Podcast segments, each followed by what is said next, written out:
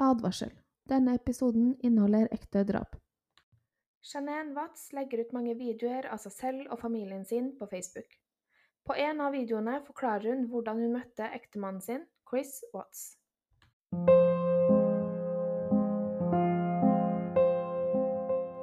Jeg var på et skikkelig dårlig sted i livet, og jeg får en venneforespørsel av Chris på Facebook. Jeg tenkte hvorfor ikke, jeg kommer aldri til å møte han uansett. Men så ledet det ene til det andre, og åtte år senere så har vi to barn. Vi bor i Colorado, og han er det beste som noen gang har skjedd meg. Og pga. mine helseproblemer, fordi jeg var så syk, og jeg lot han se dette. Han så meg på mitt verste og aksepterte meg. Og som du vet i ekteskapsløftene dine, i sykdom og alt, han har vært der. Han var den som lot meg sove oppå han og sov i tre timer på fanget hans, mens han egentlig måtte tisse. Han er det beste som noen gang har skjedd meg. Vit at uansett hvor vanskelig livet er, uansett hvor langt nede du føler deg, vit at det er en mening med alt. Det er en grunn for alt, uansett om vi ikke forstår det der og da.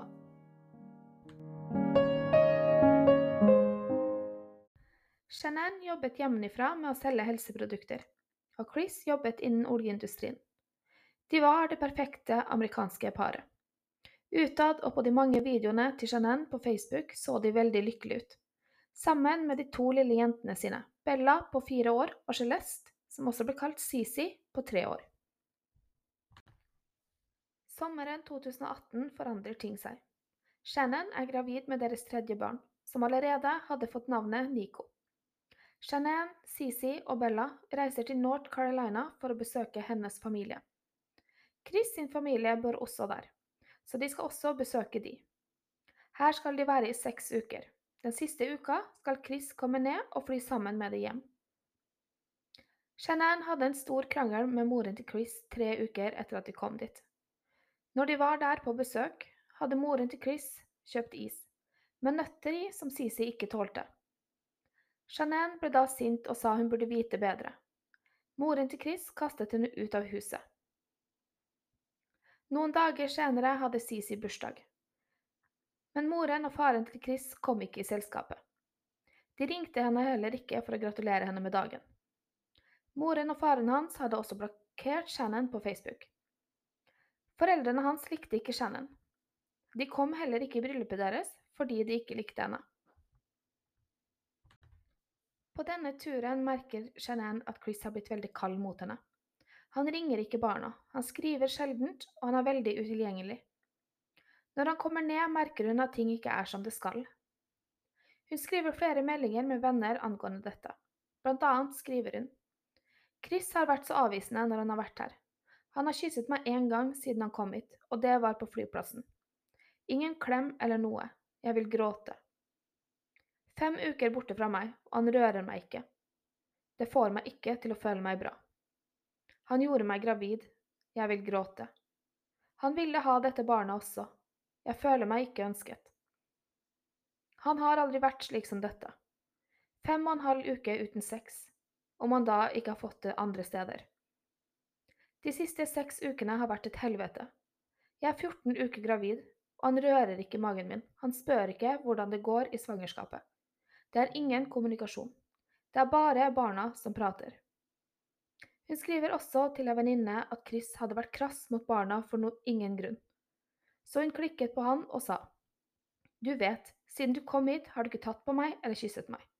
Barna kommer ikke til deg fordi du har vært krass siden du kom hit. Du er normalt gøy, og de liker å leke med deg. Fra den dagen jeg dro hit, sa du aldri at du savnet meg før jeg sa det først. Noe forandret seg da jeg dro. Kanskje du fant ut at du er lykkeligere alene, og det er greit, du kan få være alene. Jeg ba han om å snakke med meg.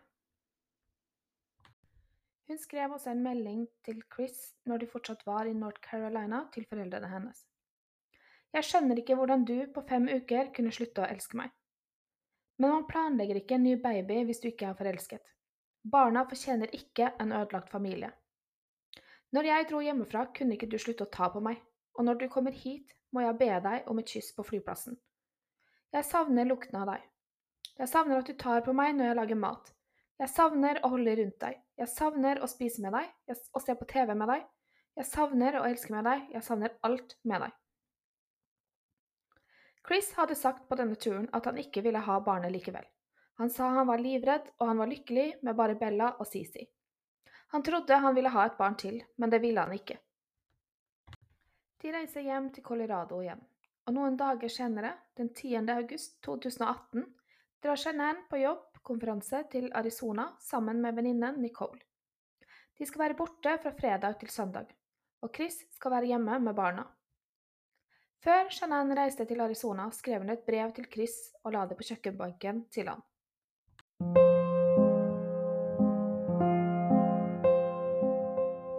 Min kjæreste Chris. Jeg aner ikke hvor jeg skal begynne. Jeg er så målløs. Jeg kan ikke engang beskrive hvor vond denne smerten er. Jeg har savnet alt ved deg. Jeg har savnet morgenånden din. At du tar på meg. Dine lepper mot mine. Jeg savner å holde deg. Jeg savner lukten av deg i sengetøyet. Jeg har savnet å snakke med deg ansikt til ansikt. Jeg har savnet å se på deg leke og le med barna våre. Jeg elsker å se smilene deres når de er sammen med deg. Jeg savner å se deg naken og på toppen av meg mens vi elsker. Herregud, jeg har savnet å ha deg rundt meg når jeg er lei meg eller følt meg ensom. Jeg har savnet alt ved deg. Jeg skjønner ikke hvordan vi havnet her. Det eneste store som har skjedd, er min krangel med din mor. Jeg kan ikke forandre det som skjedde, men jeg kan løse opp i det sammen med deg og hun. Det må være gjensidig respekt for oss alle sammen. En unnskyldning fra moren din hadde vært fint. Vår datters liv kan ikke erstattes. Jeg har bare sett deg stenge deg inn i deg selv en gang tidligere, og det var mot dine foreldre etter bryllupet vårt. Vi fortjener å ha alle familiemedlemmer i livet vårt, som gir oss kjærlighet og ikke hat. Jeg vil aldri miste deg. Jeg skal oppføre meg og komme overens med moren din. Vi alle trenger bare å ha gjensidig respekt. Jeg vil gjøre alt for deg. Det siste jeg vil på denne jorden, er at du skal ha det vondt. Du fortjener hele verden, og jeg liker ikke når du er trist. Det gjør meg trist. Jeg kan ikke og vil ikke miste deg uten å kjempe for oss. Og jeg vil alltid kjempe for deg og ekteskapet vårt. Dette er det vanskeligste jeg har gått igjennom, men du er verdt det. Fortell meg hva du trenger. Jeg elsker deg av hele mitt hjerte. Love always, Shannon.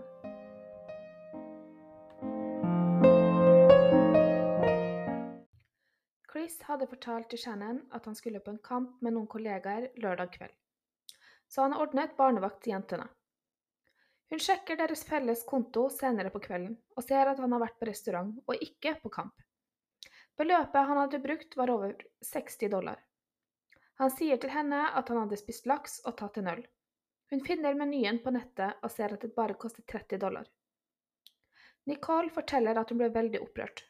Hun trodde at han var på date denne kvelden. Shannon ser også på alarmsystemet at han hadde kommet hjem 22.30, lenge etter middagen. På natten den 13. august setter Nicole av Shannon utenfor huset hennes. Hun ser på at Shannon går inn døren før hun kjører derifra. Neste morgen skulle hun på ultralyd klokken ni. Nicole hadde tilbudt seg å kjøre henne, men hun hører ikke noe ifra henne. Hun sender henne flere meldinger og prøver å ringe, men hun får ingen svar. Hun kjører bort til huset deres og ser at bilen til Shannon er der, men ingen åpner døra. Hun kjører så til legen for å se om Shannon hadde vært på ultralyden, men det hadde hun ikke. Hun ringer da ektemannen hennes, Chris. Han sier at hun skulle på en lekeavtale med barna. Nicole bestemmer seg for å ringe politiet. Hun prøver først å ringe Chris og sier at hun kommer til å ringe politiet. Han sier da 'jeg kommer hjem nå, ikke ring politiet'. Men hun ringer de likevel, og de kommer raskt til huset. De ser at Janine sine sko står ved inngangen. Politiet må ringe Chris for å be han komme hjem og låse opp, tross det var flere timer siden Nicole ringte han og sa at hun ikke fikk tak i kona hans. Da valgte heller Chris å være på jobb istedenfor å komme hjem og prøve å finne ut hvor kona og barna hans var. Chris kommer hjem. Han hilser på politimannen og går inn i garasjen og inn i bilen til Shanann.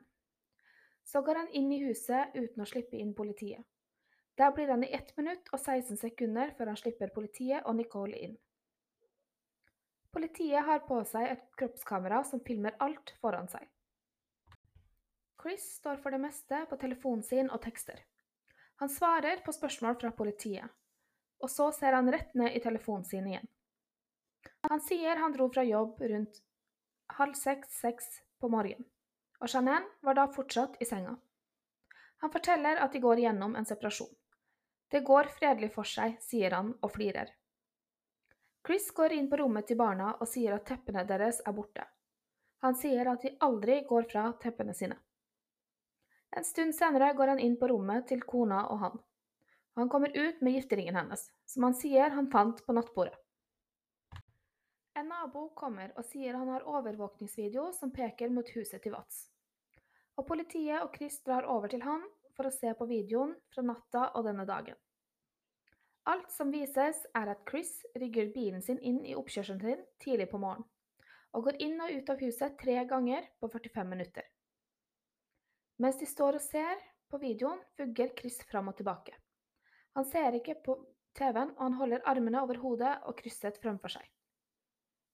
Når de er ferdige å se, ber politiet Chris om å gå, så han kan få kontaktinformasjon til naboen. Med en gang Chris går ut døren, sier naboen at Chris oppfører seg helt merkelig. Han sier at han også aldri har opplevd Chris rigge bilen sin i oppkjørselen og fylle bilen med jobbting. Han sier han har hørt de kranglet mye i det siste, og at hun reiste alene med barna på ferie i fem uker, syns han var merkelig. Han sier at Chris ropte og skrek under kranglene han hørte. Han sier også at Chris ikke virket bekymret, men han prøver å dekke over for noe han gjorde. Naboene sier han er en introvert, han er stille og prater veldig lite ellers. Men nå pratet Chris som bare det, om hvor han var og hva han gjorde denne morgenen. Overvåkningsvideoen viser at det er bare Chris sin bil som forlot huset denne dagen. Det viser ingen tegn til Jeanette, Bella og Sisi. Dagen etter velger Chris å la seg intervjue av to nyhetskanaler. Han virker veldig rolig, og han virker ikke redd for barna eller kona si. Han sier blant annet når jeg kom hjem i går, var det som en spøkelsesby. Hun var ikke her. Barna var ikke her. Jeg har liksom ingen idé på hvor de dro. Hvor kunne hun dra? Med en gang jeg kom hit, tenkte jeg med en gang på hvem jeg kan ringe. Jeg ringte henne tre ganger, tekstet henne tre ganger, bare for å si hva foregår. Om hun har forsvunnet, vil jeg at hun skal komme tilbake. Jeg vil ha barna mine tilbake så mye. Akkurat nå vil jeg ikke spekulere i hva som har skjedd men jeg håper at hun er på en trygg plass nå, sammen med barna. I går kveld ville jeg, ville jeg så gjerne høre at de banket på døren. Jeg ville at barna skulle springe mot meg og holde rundt meg. Derfor var kvelden og natten i går forferdelig. Jeg håper noen ser dette, eller noen vet noe om det og kommer frem. Shannon Bella Celeste, hvis du er der ute, bare kom hjem. Hvis noen har henne, vær så snill å bringe henne tilbake. Jeg trenger å se alle sammen. Jeg trenger å se alle igjen. Dette her huset er ikke komplett uten alle her. Please, bring dem hjem igjen. Han blir spurt om de kranglet før hun forsvant, og han sier at de ikke kranglet, men hadde en følelsesladet samtale. Jeg vil ikke si mer om det, jeg vil bare ha de tilbake. Stemmen hans er helt monoton, og han står rolig og behersket mens han intervjues. Fire timer senere blir han kalt inn for spørsmål på politistasjonen. Han sier til politiet at alarmen hans går av klokken fire. Han kler på seg og pusser tennene. Cirka kvart over fire går han tilbake til sengen til Shannon, og de begynner å prate om å sette huset for salg og snakke om separasjon. Det ble veldig følelsesladet. Vi snakket om at vi følte at vi hadde mistet forelskelsen og ikke elsket hverandre lenger. At de hadde prøvd å være sammen for barnas skyld, men at det ikke fungerte. Han sier at han kommer hjem når han får telefon fra politiet. Jeg åpner garasjedøren, går inn i huset og leter overalt. Shannon, Bella og Celeste er ingen plasser å se. Shannons giftering er på nattbordet. Mobiltelefonen hennes lå i sofaen. Vesken hennes var fortsatt hjemme. Medisinene til barna hadde hun ikke tatt med seg. Bilen og bilstolene til barna var der og det er ingen spor etter de noen steder. Han sier også at dagen før gikk han til sengs klokken ti, men sovnet ikke før klokken to. Han lot alle lys stå på i huset i tilfelle de kom hjem igjen. Etterforskeren sier at det virker som om venninnen Nicole er bekymret, mer bekymret enn han. Han svarer, Når vi ikke fikk tak i Jeanette, og det var ingen tegn på de på innsiden av huset, var jeg sånn OK, jeg må dra hjem. Etterforskeren. Men Nicole høres mer bekymret ut enn deg. Chris. Ja, fordi eh, om hun ikke tekster meg, så forstår jeg det. Noen ganger skjer det. Men at hun ikke svarer på jobbgruppen sin, det er veldig rart. Etterforskeren begynner å snakke om ekteskapet deres.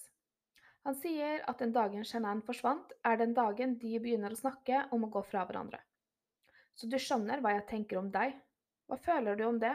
spør etterforskeren. Chris svarer. Jeg føler meg kvalm. Jeg snakket med noen få venner som sier at dette kan mistenke deg, og jeg bare Jeg vet.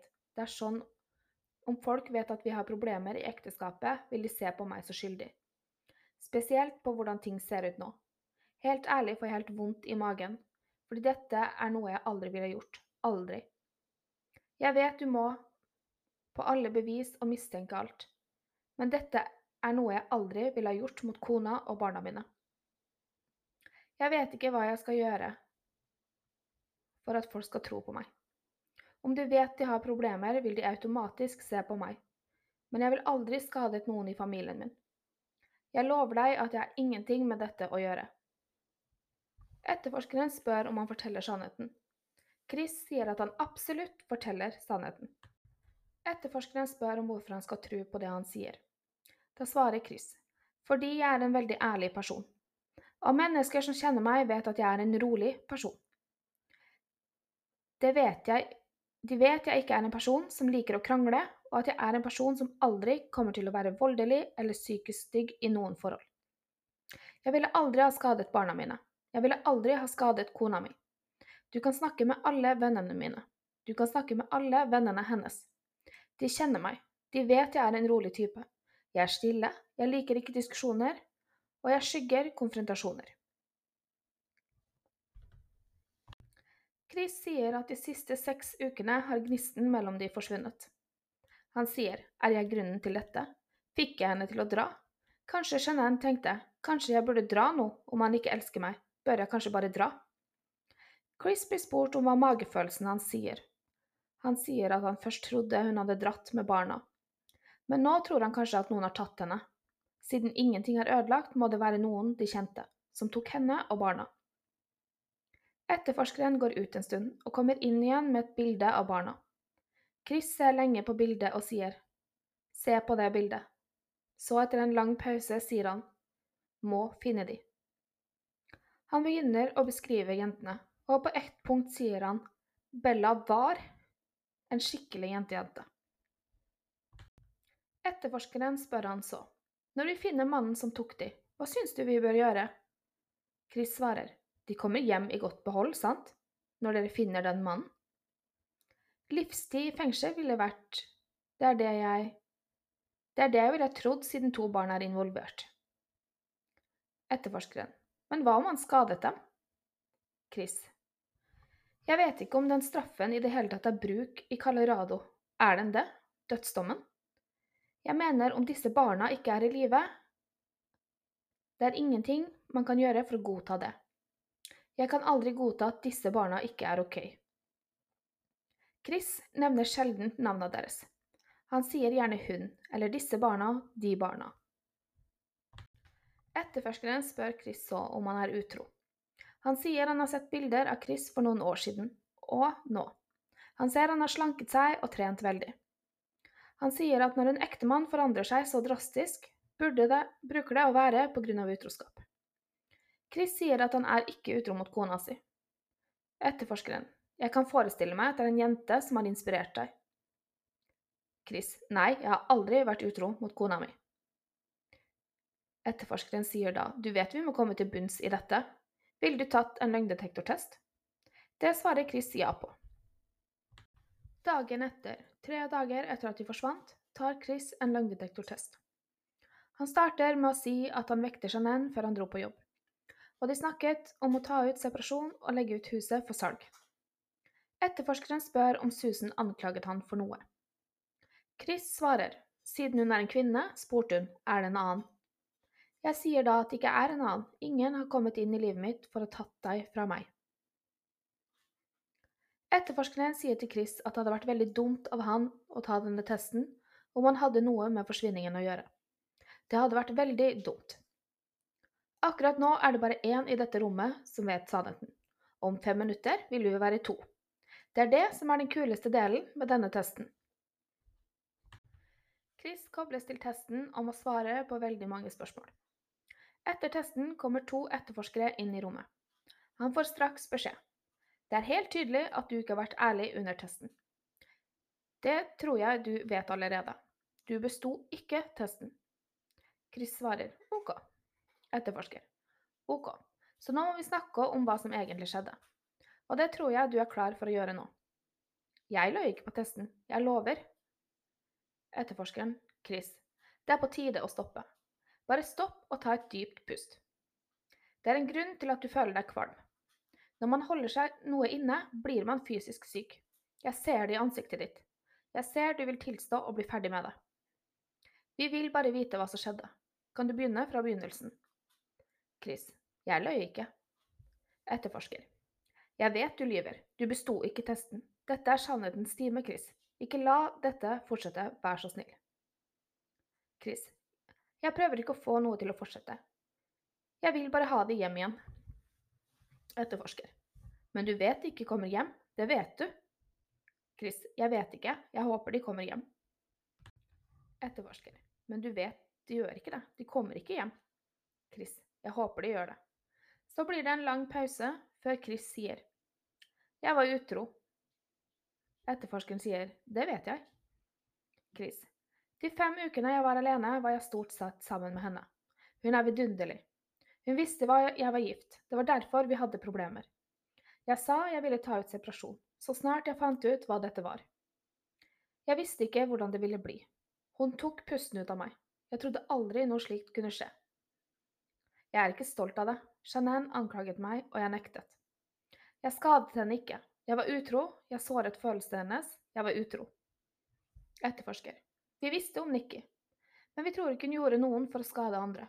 Vi kan holde henne utenfor og gå tilbake til å snakke om barna og kona di.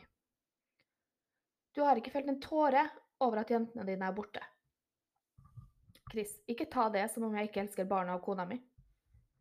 Etterforsker, forklar meg. Du gråter med kona di fordi du skal forlate henne, men du gråter ikke over at jentene dine er savnet?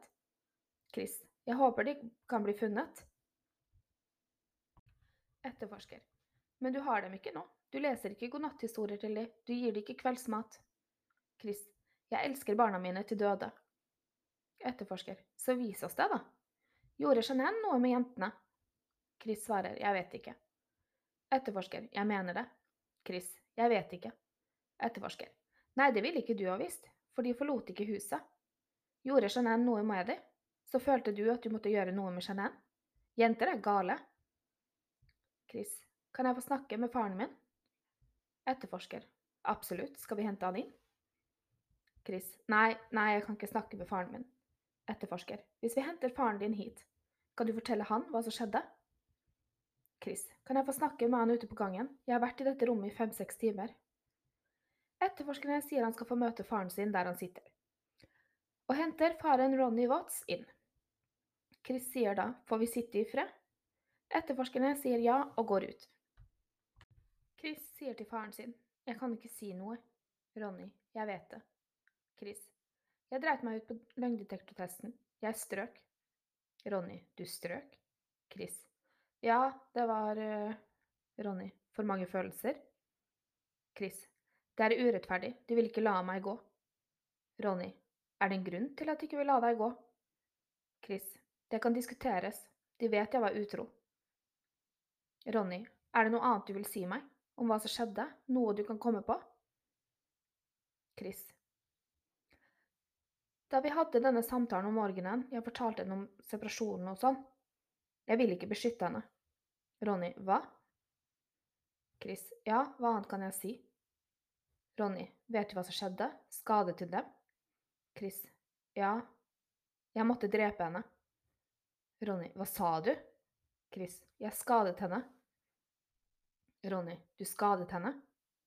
Så hun begynte å skade barna? Hjelpe meg, hva skjedde? Chris. Hun Hun, hun kvalte de. Ronny, hun kvalte de med hendene. Drepte hun de? Chris, de var, de var blå. Ronny, begge to? Kvalte hun begge i hjel? Chris, jeg friket ut og gjorde det samme med henne. Ronny, herregud. Så hun drepte både Sisi og Bella? kvalte de til døde? Og du klikket og kvalte henne? Chris, jeg bare Jeg ble rasende. Jeg hadde ikke Ronny, herregud. Etterforskerne kommer tilbake til rommet, og Ronny ber sønnen fortelle de hva som hadde skjedd. Etterforskerne sier du er igjennom det vanskeligste. Nå må du fortelle oss hvor de er, så vi kan få de ut av kulden. Chris, de er borte, ingenting kan bringe de tilbake. Etterforskerne, hvor er de? Chris, på det første stedet jeg dro til den dagen. Etterforskerne, hvor gjorde du av de? Det er veldig viktig. Chris, jeg vet ikke hva jeg skal gjøre, jeg var så redd. Etterforsker, kan du vise oss? Chris, hva kommer til å skje? Etterforsker, vi må få de ut derifra. Jeg vet de er borte, men de er fortsatt barna dine, og du er faren deres. De må ikke bli der, de må ikke bli der ute. Nå skriker og hulker Chris. Faren sitter og holder rundt han. Etterforskeren. Du vil ikke at noen andre skal finne de. Det kan jeg love deg. Etterforskerne går igjen ut av rommet en tur, og Chris sier til faren sin. Problemet mitt er at jeg ikke vet om de tror deg. Ronny. Ligger de begravet, eller? Chris. Shannon gjør det. Ronny. Hva med barna? Chris. Det er det jeg er bekymret for. De er i en oljetank. Jeg visste ikke hva annet jeg skulle gjøre. Kjære Gud, tilgi meg. Politiet kommer inn igjen med et bilde av arbeidsplassen hans, der de to oljetankene står i, ute i ingenmannsland. Etterforskerne. Hvor ligger Jeanette og jentene? Chris peker på hvor han har begravd kona si. Etterforskerne. Hva med jentene? De er der, så peker han på de to oljetankene. Etterforskerne. Ligger de inni tankene? Chris. Det er en luke på toppen. Tanken er seks meter høy. Etterforsker. Det ble funnet et blodig laken ved stedet. Hvor kom det ifra? Chris. Shanann lå i det. Etterforskerne. Kan vi offentliggjøre at Shanann drepte jentene? Chris. Jeg skadet ikke jentene. Etterforsker. Er det greit for deg at offentligheten Chris. Ja, for jeg drepte det ikke. Etterforsker. Det ser ut som at du hadde et nytt liv, og at du kunne bare leve det om du ble kvitt ditt gamle. Og jeg tror du drepte jentene før moren deres kom hjem. Og når hun kom hjem, drepte du henne. Chris. Nei. Etterforsker. Det gir bare ikke mening, det henger ikke på greip. Så du er enten et monster Jeg vil bare ha en ung, lekker kjæreste, så jeg kan drepe alle og håpe alt løser seg. Eller så er det noe annet. Så jeg tror vi nærmer oss sannheten, men vi er ikke helt i mål. Hvis du ikke er et monster Chris. Jeg er ikke et monster. Jeg, jeg drepte ikke barna mine. Chris sier at han og Jeanette kranglet. Han går ned for å ordne seg til jobb, og når han kommer opp igjen til soverommene, ser han Jeanette stå over Bella og kvele henne. Sisi ligger allerede på gulvet blå.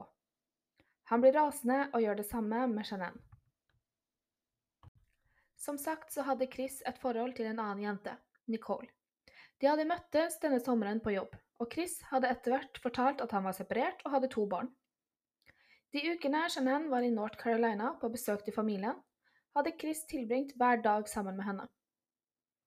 Hun forteller politiet at hun ikke visste at Jeanette var gravid. Hun hadde gjennom media fått høre at hun var 15 uker på vei. Nikki hadde gjort mye søk på nettet, av blant annet Mannen jeg dater, sier han skal gå fra sin kone. Gifte seg med sidespranget sitt. En uke før drapene hadde hun brukt over to timer på å se på brudekjoler på nettet. Hun hadde også søkt på Chenan Watts i flere timer. Hun hadde søkt på om politiet kan finne slettede tekstmeldinger. Hun hadde også søkt om Amber Fry, var hatet og bokavtalen Amber Fry hadde fått. Amber var også en kvinne i et forhold med en mann som drepte sin gravide kone. Chris blir arrestert. På dag fire graver de opp Jeanette. Hun hadde blitt slengt ned i graven som søppel og lå krøllet sammen. Jentene var presset ned i oljetankene. Shannon ble hatet av mange på nettet. Mange mente at Chris var uskyldig, og familien til Jeanette følte seg angrepet. Faren til Jeanette sier at hun og barna ble fornedret, svertet og mobbet på de fæleste måter man kan tenke seg. Han går i media og ber om at de vær så snill stopper, og han ber om at de lar han og familien være i fred.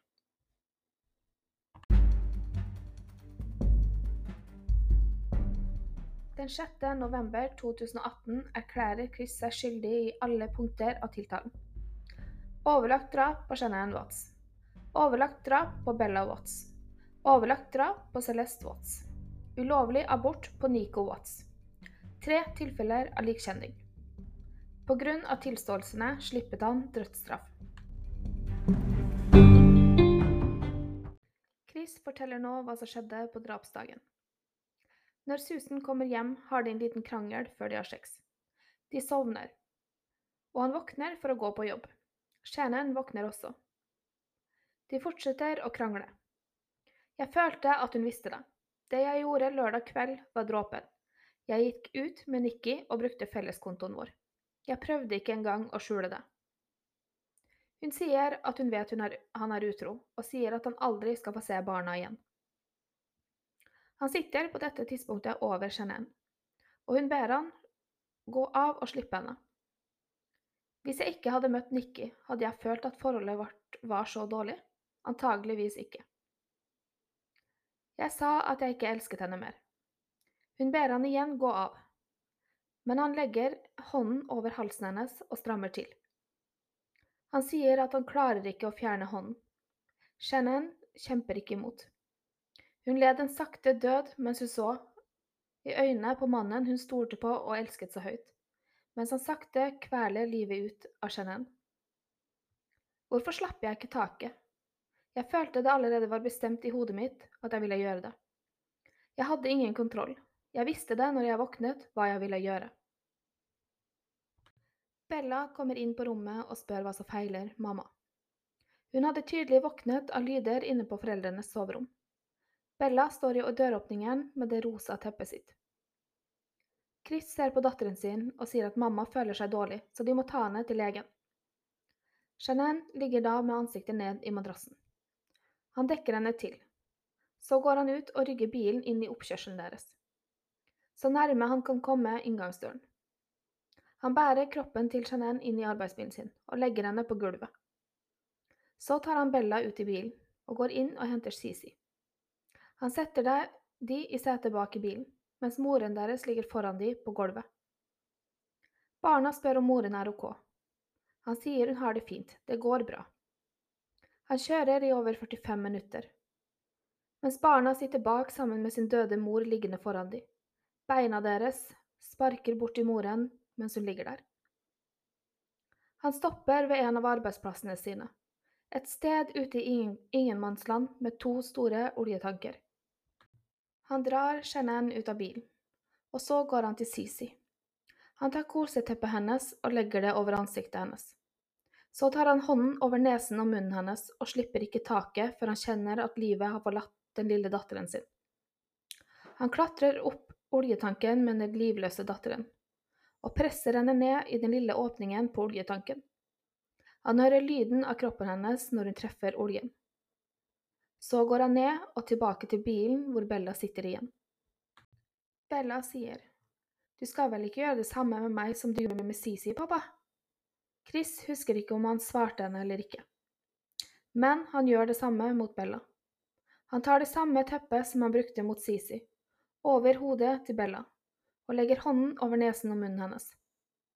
Han hører hun sier nei, pappa. Dette er det siste Bella noen gang fikk sagt. Bella var den eneste som hadde kjempet imot. Hun hadde et stort sår i munnen og på tungen etter at hun hadde bitt seg selv. Chris klatrer da opp på den andre oljetanken og presser Bella ned i hullet, og dumper henne i oljen. Her fant de hår på kanten som hadde blitt skrapt av henne når han presset henne ned i det lille hullet. Shannon gravde han ned et stykke fra oljetankene. Han unnet ingen av de å ligge sammen etter deres død. Han dumpet kroppene deres alene. Shanann lå krøllet sammen. Han hadde kastet henne som søppel ned i det lille hullet han hadde gravd til henne og deres ufødte sønn Nico. Når Bella og Sisi blir tatt opp av oljetankene, er huden deres på tur til å falle av, på grunn av oljen de hadde ligget i. De hadde ligget der i fire dager. Chris sier at han ikke skjønner hvordan han kom til dette denne tidlige morgenen. Det var akkurat som det var noen andre i kroppen hans og ikke han. Alt jeg ønsket var å være en far. Få barn som elsket meg. Hvorfor skånet jeg ikke barna? Ingenting ga mening. Hver gang jeg lukker øynene, ser jeg for meg Bella si nei, pappa.